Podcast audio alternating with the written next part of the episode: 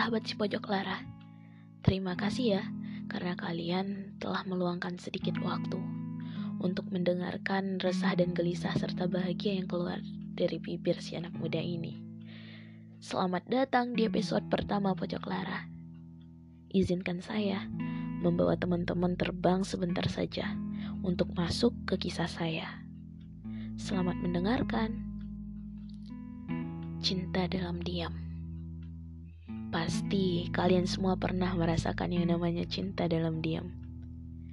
Sekaligus menjabat menjadi seorang secret admirer.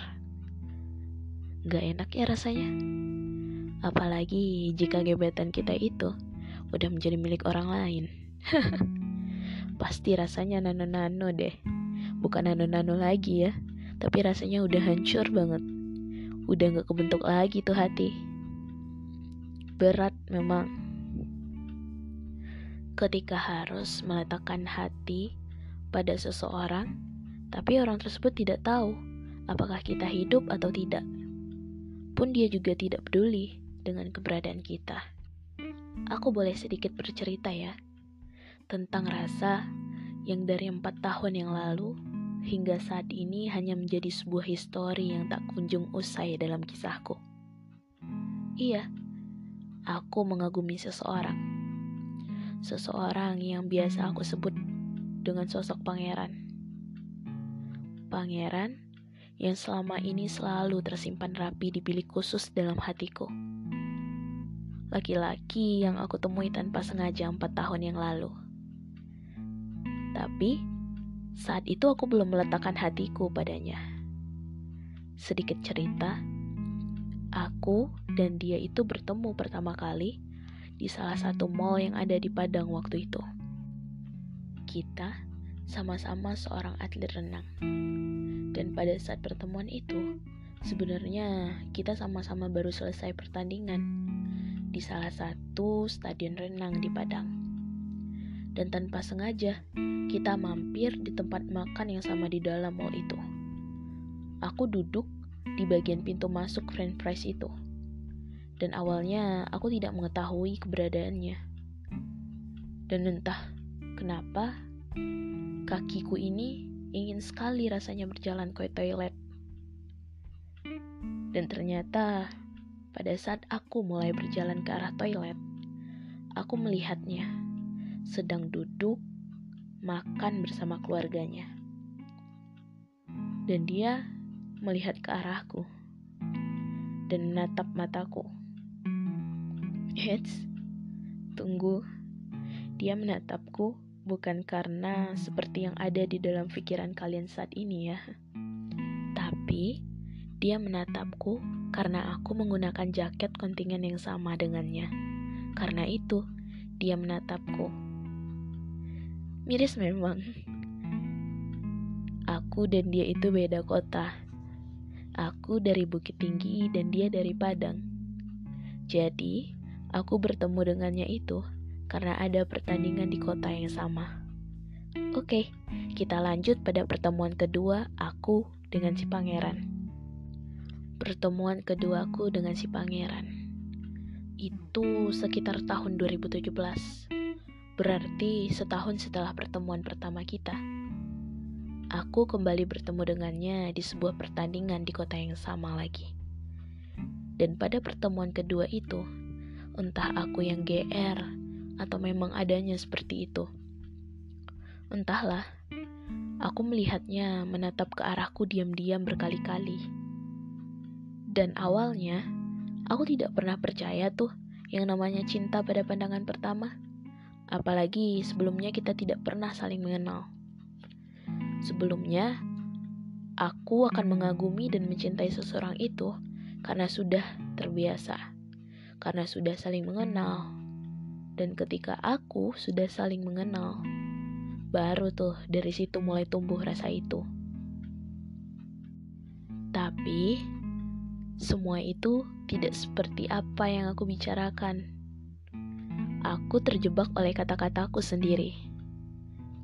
Eh, eh, maaf maaf aku terlarut dalam isi hatiku oke kita lanjut pada kisahku dengan si pangeran lagi ya Jadi, pertama kali aku merasakan yang namanya cinta pada pandangan pertama itu ya baru kepadanya.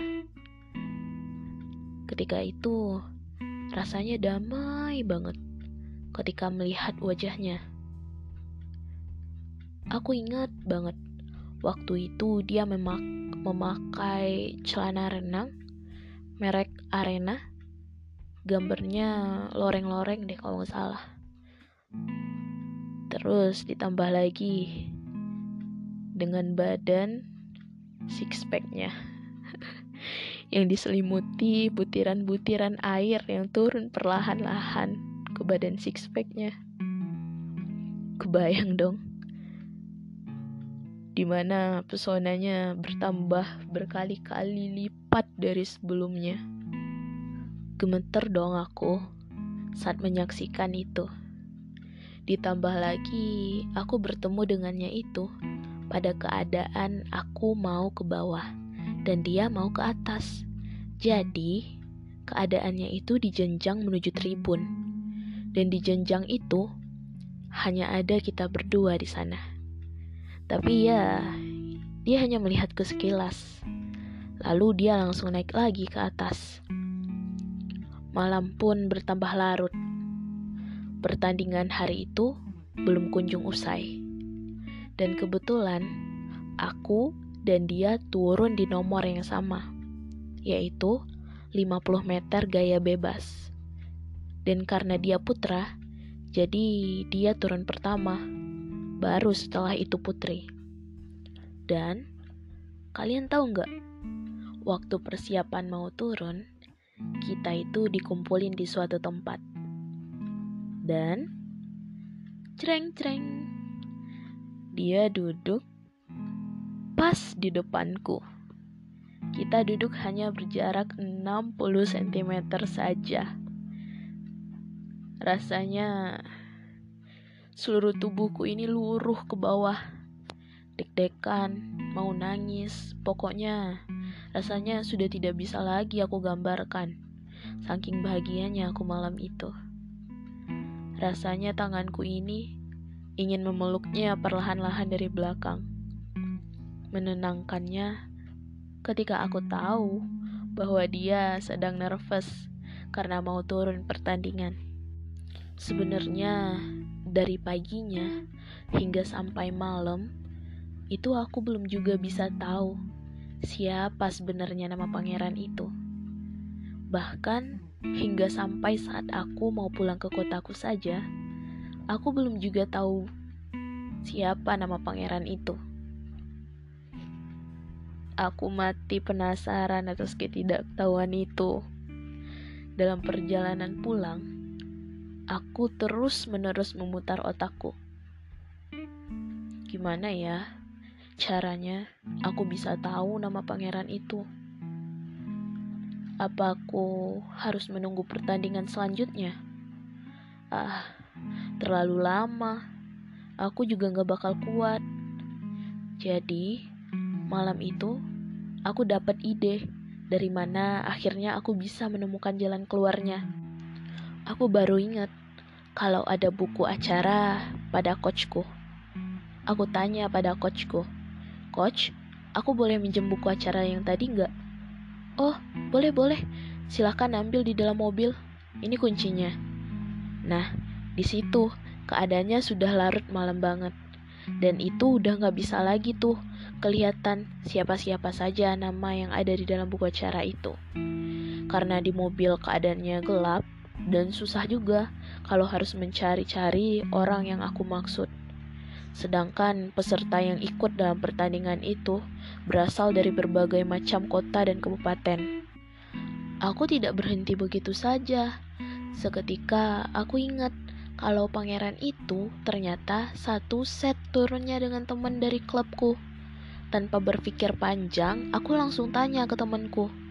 Eh Jar, waktu kamu turunin 50 meter gaya bebas tadi, kamu ada di lintasan berapa? Temanku pun menjawab, Lintasan tiga, Sil. Emang ada apa? Enggak, cuma tanya doang. Oh iya, tadi di sebelahnya kamu anak mana? Dan dia pun menjawab lagi, anak Padang, Sil. Oh, oke, okay, kataku. Jawaban itu yang aku tunggu, kataku dalam hati. Langsung, setelah itu aku langsung nyari dari petunjuk yang diberikan temanku itu. Setelah berlembar-lembar aku membolak-balikan buku acara itu, aku akhirnya menemukan sesuatu. Sesuatu yang membuat aku gelisah sedari pagi tadi. Iya, aku menemukan nama pangeran itu. Ternyata nama pangeran itu adalah Segitu dulu ya kisah aku dengan si pangeran untuk hari ini. Aku akan bacakan sedikit bait kata-kata indah tentang hari ini. Aku tahu, aku tak pantas. Tak pantas mencintai indahnya malam. Bagaimana mungkin bisa?